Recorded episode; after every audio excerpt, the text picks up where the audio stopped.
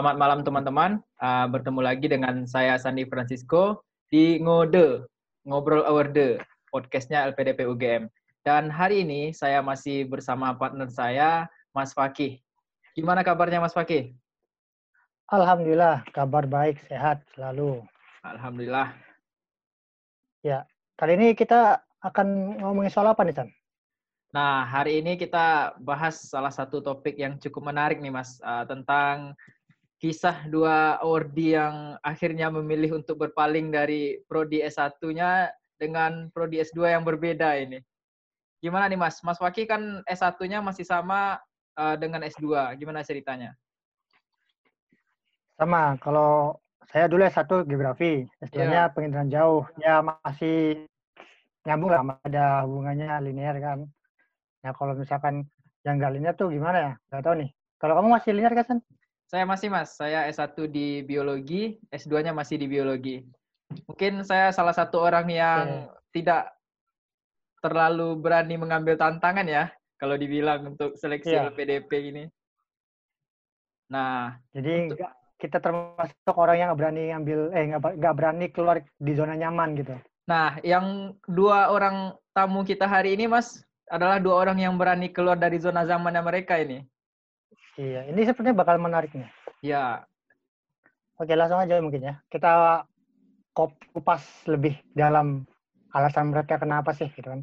Mungkin uh, hari ini bagusnya kita kenalkan dulu ya uh, dua narasumber kita. Hari ini kita kedatangan Mas Ihsan uh, dari UGM juga, ya dari UGM dan Mbak Feby dari UGM juga. Cuman jurusannya kita tunggu mereka untuk mengenalkan biar lebih menarik dan lebih spesifik. Silakan Mbak Isan untuk memperkenalkan secara singkat.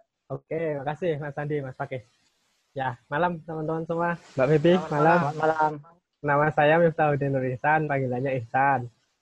Uh, sekarang kuliahnya di Magister Manajemen. Kalau dulu S1-nya di Pendidikan Kimia. Ya beda tipis lah. Waduh, tipis. Dari kimia beda tipis, ke ya. manajemen beda tipis ya. Padahal kimia ke manajemen itu beda-beda apa namanya? Udah lintas pulau itu, Mas. Lintas, nah, benar-benar lintas pulau, lintas negara bahkan ya mungkin. Dari eksak ke sosial. ekonomi, sosial ekonomi. Kalau Mbak Pipi gimana, Mbak? Kok saya deg-degan ya? Wah. Aduh. Uh, ya, Malam Mas-Mas semuanya. Malam Mbak Feby. Malam. Malam. Ya, Terima kasih udah diundang di ngode. Wah, sama-sama nah, Mbak.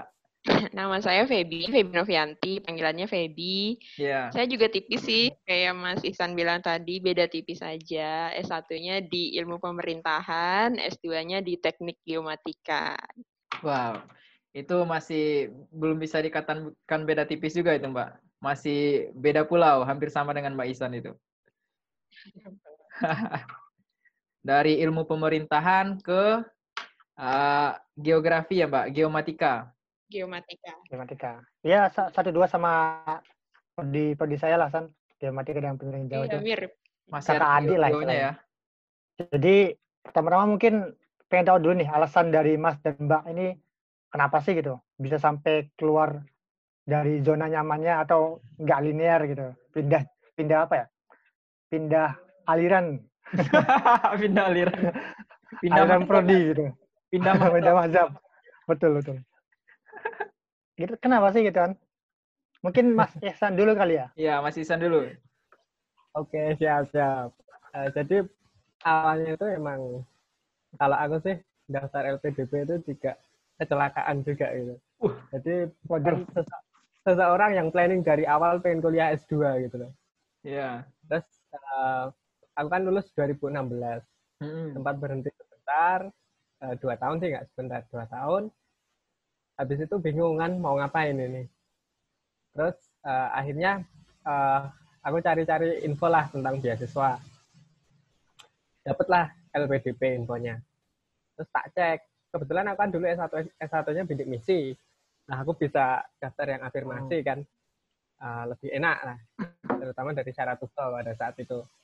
Nah, dari situ aku bingung nih, mau lanjut ke kimia atau pindah gitu kan. Pada saat itu uh, bisnis juga masih baru kan, masih baru. Jadi sebenarnya uh, masuk manajemen itu uh, dulu awalnya apa ya uh, bisa dikatakan aku takut kalau masuk S2 kimia malahan karena aku udah berhenti dua tahun malah aku nggak punya alasan untuk uh, lanjut S2 kimia terus nanti bingung kalau ditanya-tanya tentang tesis tentang materi kimia aku udah lupa semua gitu loh jadi akhirnya ya alah Bismillah ambil manajemen aja nanti uh, sambil mengembangkan bisnis gitu aja sih jadi alasannya sebenarnya sesemil tuh aku lebih yakin keterima di manajemen daripada keterima di kimia untuk S2 -nya. Wah, oh. itu cerita Mas Ihsan ya. LPDP Menarik katanya sekali. kecelakaan, kemudian takut kimia, bingung akhirnya ngambil hmm. manajemen. Tapi sebenarnya sih kalau saya mandang Mbak Ihsan lebih ke bisnisnya ya. Kalau Mbak Feby gimana Mbak? Mas Ihsan kecelakaan yang indah ya masuk Wah. LPDP. kecelakaan. kecelakaan aja udah bagus ya, apalagi nggak kecelakaan gitu. Apalagi nggak kecelakaan ya. Bener. Um, kalau aku sih ceritanya kan udah PNS. Oh. Tuh. Nah, PNS itu aku tuh penempatan di satu bagian namanya Bina Penataan Daerah. Hmm. Bina Penataan Daerah itu memang kita uh, ngurusinnya masalah pembinaan kecamatan, terus perbatasan salah satunya. Nah, perbatasan ngurus batas antar kabupaten, batas antar kecamatan, semua batas lah ya sampai hmm. desa. Ini nih orang BIG pasti tahu nih mantan orang BIG. Ini kerjaan kerjaan saya banget nih. Wah. Jadi, nah itu waktu itu kan karena ditempatinnya tuh di bina penataan daerah, kita tuh kekurangan orang, nggak ada nggak ada orang pemetaan di kabupaten, di Pemdaku. Hmm. Jadi tuh aku sebagai orang pemerintahan sering disuruh, eh bukan disuruh sih, diarahin sama atasan itu buat ikut bimtek, diklat, itu tuh yang berkaitan sama pemetaan. Hmm. Jadi aku mikir, kenapa aku nggak sekalian S2 ini aja ya di bagian emang yang ngurusin perbatasan. Karena perbatasan itu sendiri kan sebenarnya nyangkut banyak aspek ya, politik iya, kan aku sini politik pemerintahan, terus di uh, pemetaan teknisnya geomatika juga iya, terus hmm. di hukum juga iya kan. Jadi ya udah lanjut aja deh kayaknya mau ke yang bisa sekalian ngurusin teknisnya di pemetaan, di perbatasan. Terus mikir kan, kayak bisa nggak ya, bisa nggak ya? Dari itu ngomong sama atasan, boleh nggak gitu. Eh, dapat rekomendasinya ya udah, dapat rekomendasi, daftar LPDP, keterima gitu. Ini ceritanya apa menarik sekali kan? Sangat menarik ya. nah, soalnya kenapa? Karena yang satu ini dari eksak ke sosial, sosial. yang satunya dari sosial ke eksak gitu. Wah. Ya kan? Gantian pulau ya Mas ya? Iya, berputar balik. Ini nggak nggak nggak nggak ketuker kan? Jurusan yang ketuker. Iya. Iya. Jadi sinetron. Oke Mas Fakih. Ngomong-ngomong tentang cerita Mas Isan dan Mas uh, dan Mbak Feby ini ya. Pasti ketika seleksi itu banyak uh, menemukan pertanyaan-pertanyaan aneh dari wawancara. Kita mau tahu nih gimana sih ceritanya Mbak Feby dan Mas Ihsan waktu wawancara LPDP dulu apa yang ditanyakan oleh wawancara. Mbak Feby dulu kayaknya nih. Oke, okay. satu pertanyaan tuh yang aku ingat banget. Yeah. Kamu mau nggak uh, saya rekomendasiin uh, buat tetap di jurusan kamu? Hmm. Jadi tuh wawancara tuh benar-benar kayak meyakinkan kalau wawancara tuh kan kalau ngomong meyakinkan banget ya kayak hmm. kalau kamu seolah-olah tuh kayak kalau aku mau pindah jurusan pasti dilulusin gitu kan. Hmm. Nah, itu sih satu, satu satu pertanyaan yang benar-benar aku ingat banget dan di situ tuh aku ya cuma bilang kayak e, saya sih daftar dari awal memang bertujuan buat masuk di geomatika. Jadi, saya memang mau lanjut di geomatika. Bukan masalah saya bukan hanya sekedar ingin diterima LPDP gitu loh. Ngerti kan? Hmm. Kalau misalnya aku pindah okay. jurusan kan kesannya kayak, ah, yang penting aku diterima LPDP deh, mau masuk jurusan mana aja terserah. Saya masuk di sini, saya daftar di sini, saya ikut wawancara di sini karena saya pengen saya masuk di jurusan yang memang dibutuhin sama, aduh ini nih agak-agak idealis ya, memang dibutuhin sama daerah saya gitu. ya kalau berarti kan berarti istilahnya setelah biar ilmunya bisa bermanfaat gitu kan. iya. kan. Bisa mm diaplikasikan ke kerjaannya. Mm -hmm. Memang gitu. dibutuhin kan. Gitu.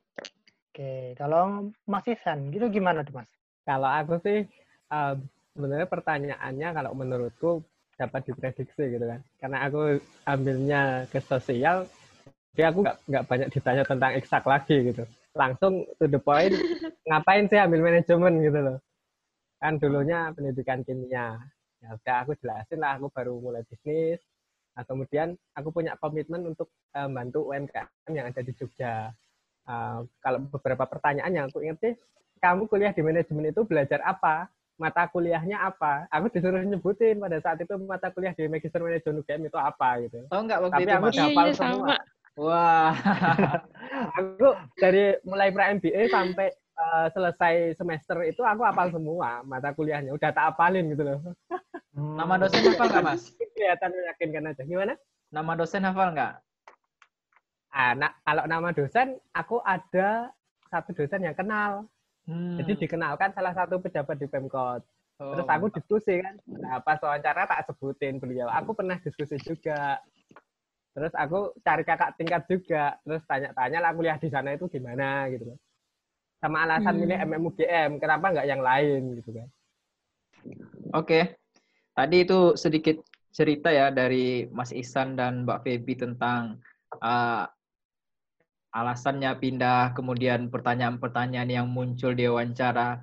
Dan dari situ kita bisa tarik satu poin bahwasanya yang salah satu faktor yang membuat mereka bisa diterima itu adalah karena mereka sudah punya pekerjaan di uh, setelah lulus S1-nya itu. Nah, saya mau tanya nih, gimana sih kalau kondisi itu dihadapkan kepada semisalnya teman-teman yang mau daftar uh, S2 tapi dia belum mempunyai pekerjaan yang menjanjikan seperti Mas Isan dan Mbak Feby kemudian memilih untuk uh, pindah ke jurusan yang berbeda dengan S1. Gimana sih Mas uh, sama Mbak Feby kira-kira dan sarannya gimana? Mas Isan duluan. Jadi kalau dari aku sih sebenarnya yang mungkin ya, yang mungkin dilihat oleh uh, pewawancara pada saat ketika wawancara itu adalah mereka ingin tahu komitmen kita untuk uh, lanjut ke jurusan itu itu apa sih, gitu loh. Jadi pada saat itu sebenarnya uh, bisnisku juga belum begitu jalan. 2018 itu masih awal-awal lah, awal-awal banget. Baru mulai bagus itu 2019 2020.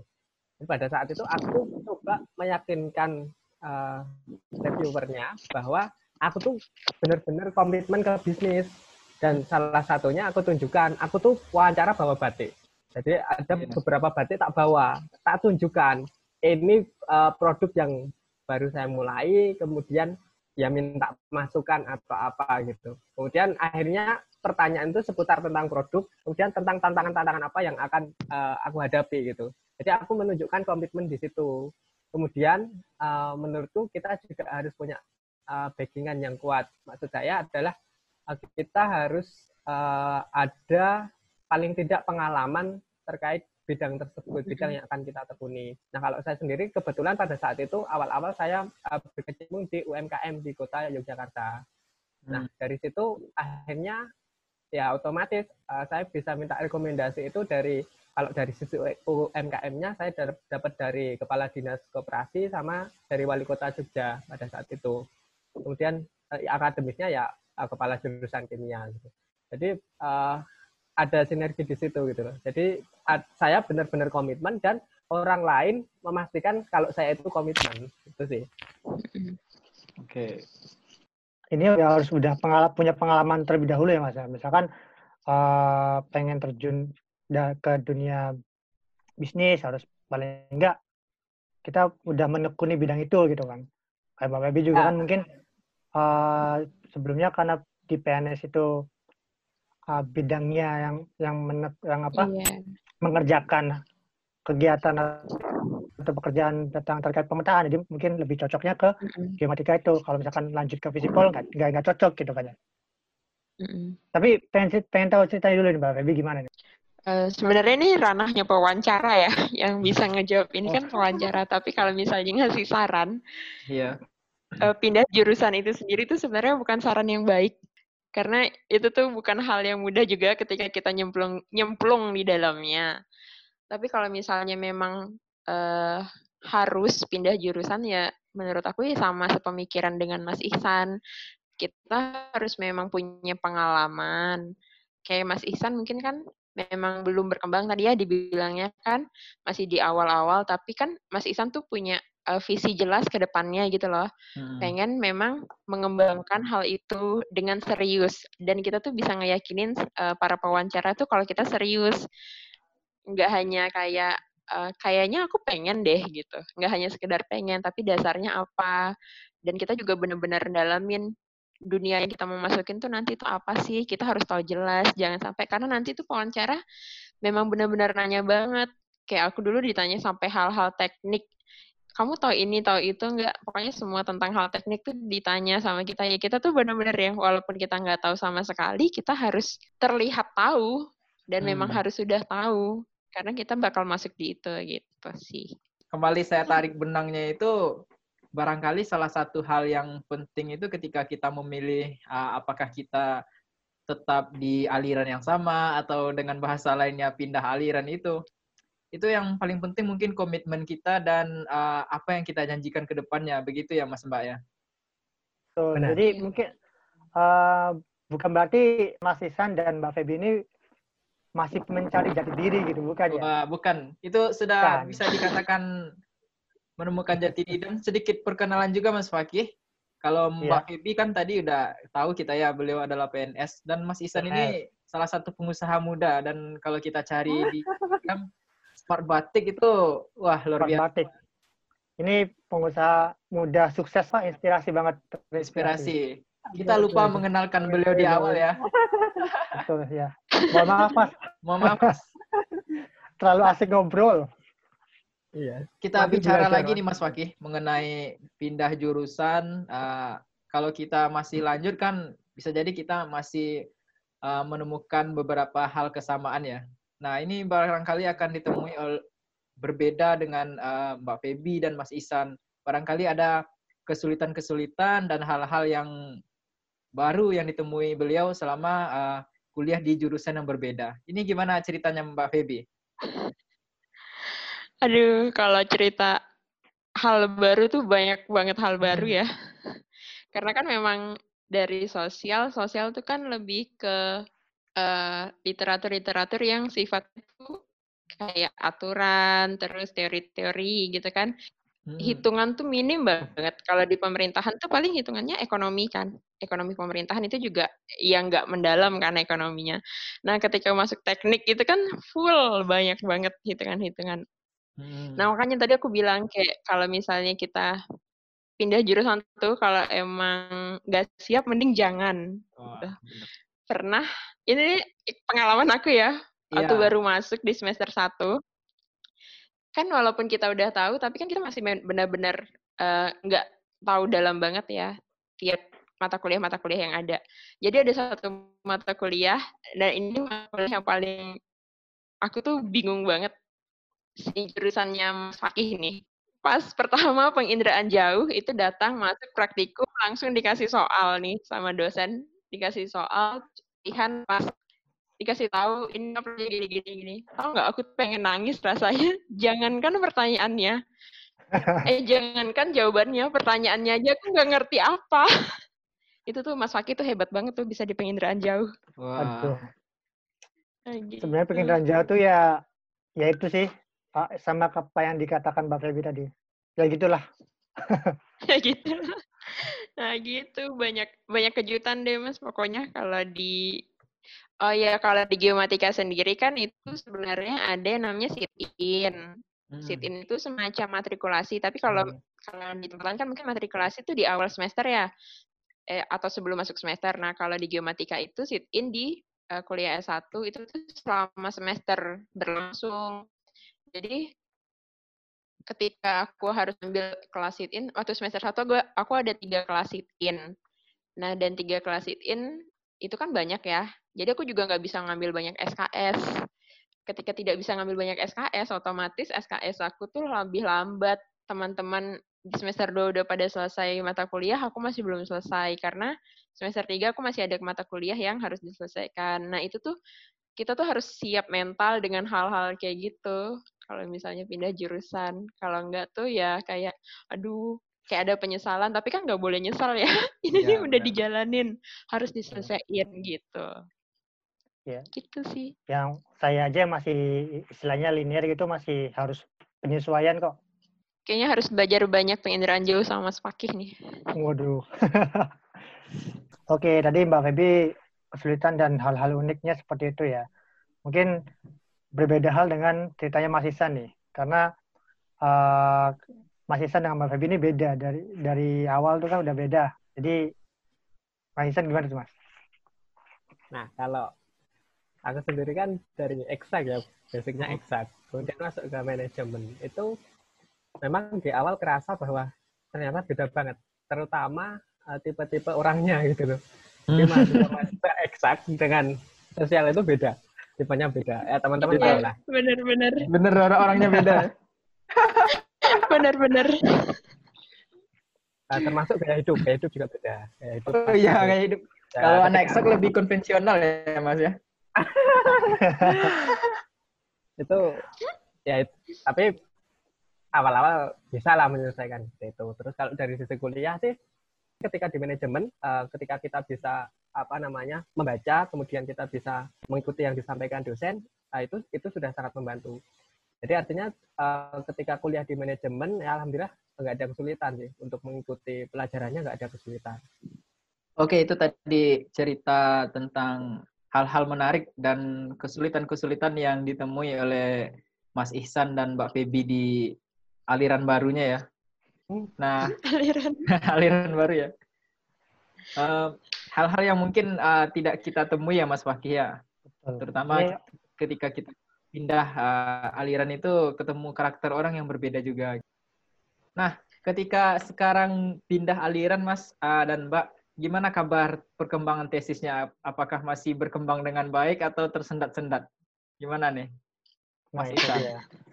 biasanya kan harus ya itu ada ada penyesuaian lagi kan ya ada penyesuaian lagi biasanya kalau misalkan yang yang linear gitu kan uh, bisa melanjutkan skripsinya gitu hmm. penelitian skripsi, dilanjutkan ke tesisnya gitu seperti yeah. kalau misalnya nggak linear kayak gimana nih kalau dari aku sih uh, sebenarnya kalau di MM kan beda ya mungkin sama di apa namanya jurusan lain. Nah, aku aku mulai semester satu itu matrikulasi. Jadi saat ini aku tuh baru selesai semester satu. Kalau teman-teman kan udah selesai oh. semester dua ya.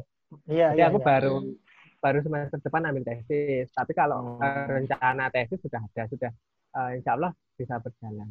Aman lah, nggak nggak ada kendala insya Allah. Masih lancar ya? Lancar. Karena aku ambilnya kan konsentrasi entrepreneur kan. Jadi Sesuai nanti ya ngulik-ngulik usaha aja.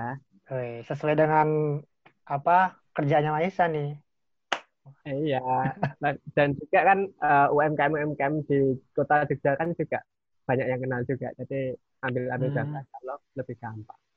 Ya Mbak Febi gimana Mbak? Eh, pastinya uh, lebih susah sih kan? Kalau ya, karena ya itu apa berbeda banget ya gitu, ya kan? karena yeah. saya tahu gitu, matematika tuh kayak gimana. Wah. Aduh, jangankan tesis. Jadi itu kadang tuh aku tuh kan konsentrasiku perbatasannya memang. Hmm. Nah di geomatika yeah. tuh ada lima konsentrasi dan aku tuh di perbatasan. Kadang tuh dosenku tuh suka bilang gini, e, Feby tugasmu tuh tolong eh misalnya udah baik, cuman tolong diarahin ke teknis ya, lebih ke teknis karena kamu tuh suka bahasnya tuh ke sosial banget. Wah. Jadi tuh ini Mbak Feby masih kebawa ilmu sosialnya. Jiwa-jiwa sosialnya masih meronta-ronta. iya gitu. Nah kalau buat tesis sendiri itu karena kemarin kan aku nggak bisa banyak ngambil SKS di awal-awal semester, semester 1, semester 2, jadi semester 3 ini aku baru ambil metopen dan baru bisa masuk proposal gitu. Tapi kalau buat judul udah ada. Tentang batas juga, Mbak? Iya. Batas dirimu dan dirinya, Mas. Aduh. Siap. Ya. Ini Mbak Feby, Mbak, apa, Mbak Feby ngode banget ya. ngode banget. Harusnya temennya pulung di sini. Oh iya nih. Oh gitu. Mbak Feby jangan-jangan batas ditinjau dari sosial juga, Mbak? Wah. eh, tapi jangan salah, menarik loh, Mbak. Ini kalau misal terkait batas itu, kita batas desa atau batas wilayah lah intinya ya. itu pasti ada Mm-mm. kaitannya dengan sosial. Kenapa? Karena eh, batas itu krusial banget loh. Bisa menimbulkan konflik sosial Iya. Hmm. gitu. Ya, oke. Ini pengalaman yang menarik ya dari kedua narasumber kita nih, San. Jadi udah banyak Menarik sekali, Mas. sharing-sharing, eh, Mm. cerita banyak terkait kenapa kok bisa pindah aliran, terus tadi juga Hmm. ngasih saran dan tips sedikit gitu. Mungkin sebelum tutup nih, eh saya minta closing statement dulu dong dari Mas Ihsan dan Mbak Feby terkait eh, apa yang kita udah obrolin gitu.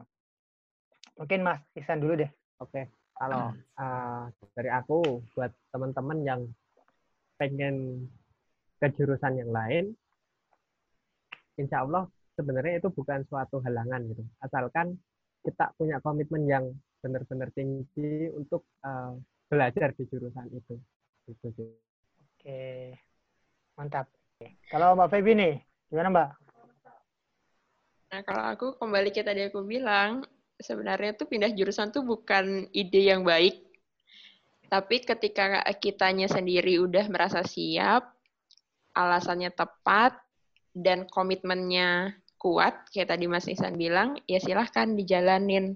Karena ketika kita maju ke depan tuh nggak semudah yang kita pikirkan di awal. Walaupun di awal kita udah mikir dalam, tapi tuh ketika di depan ada banyak eh, kejutan-kejutan. Nah, kita siap dengan komitmen-komitmen di awal dan siap juga dengan berbagai kejutan yang ada itu gitu. Jadi Intinya selesaikan apa yang udah dimulai. Oh, Wah. ya. Mantap. Karena nggak semudah Luar mengembalikan sekali ya. telapak tangan ya.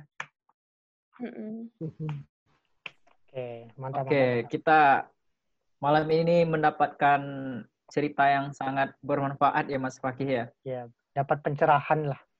Dapat pencerahan lah. Dan bagi saya pribadi itu sebuah uh, motivasi juga ketika melihat uh, teman-teman yang mampu memiliki daya lenting yang baik di jurusan yang berbeda ketika S1 dan S2. Kenapa kita ketika masih sama jurusannya semangatnya masih kendor, daya lentingnya masih kurang itu jadi semacam pemicu lagi uh, untuk memompa semangat ke depannya Mas Fakih. Iya betul. Karena yang linear pun kadang masih kesulitan, Ustaz. Iya. Hmm. Apalagi yang nggak linear gitu kan. Ya apa yang tadi saya katakan, pindah aliran, pindah jurusan itu nggak semudah membalikkan telapak tangan. Ya, benar sekali. Dan kita harus berterima kasih ya kepada dua narasumber kita yang sudah menemani kita malam hari ini dan berbagi cerita. Mas Ihsan dari Prodi Magister Manajemen. Uh, Ya. terima kasih Mas Ihsan. Uh, Sama. Masa- semoga sukses selalu dengan Smart Batiknya dan teman-teman bisa uh, Amin, coba amin. follow Instagram beliau di Smart Batik di Instagram. Sekalian membantu mempromosikan produk-produk lokal Indonesia ya. ya. hasil Mantap. karya tangan anak negeri seperti itu. Kemudian terima kasih Betul, juga betul. kepada Mbak Feby eh, sudah hadir malam ini dari Prodi Geomatika dari Kalimantan ya Mbak ya. Sama-sama. Ya, Kalimantan Barat. Ya. Terima kasih Mbak Feby, semoga sehat dan sukses selalu sebagai eh, Sama-sama. abdi negara. Iya. Dan Mas Fakih juga terima kasih kepada partner saya. Kita ketemu lagi minggu depan. Siap, Andi. kepada teman-teman semuanya yang selalu menonton podcast kita di podcast ketiga. Jangan lupa uh, tonton selalu podcast-podcast dari Our Deal PDP. Semoga kami mampu menyajikan uh, tontonan-tontonan dan uh, sesuatu yang menarik bagi teman-teman semuanya. Ya, Terima dan- kasih. uh, sampai ketemu lagi. Uh, saya tutup. Uh, selamat malam. Sampai jumpa.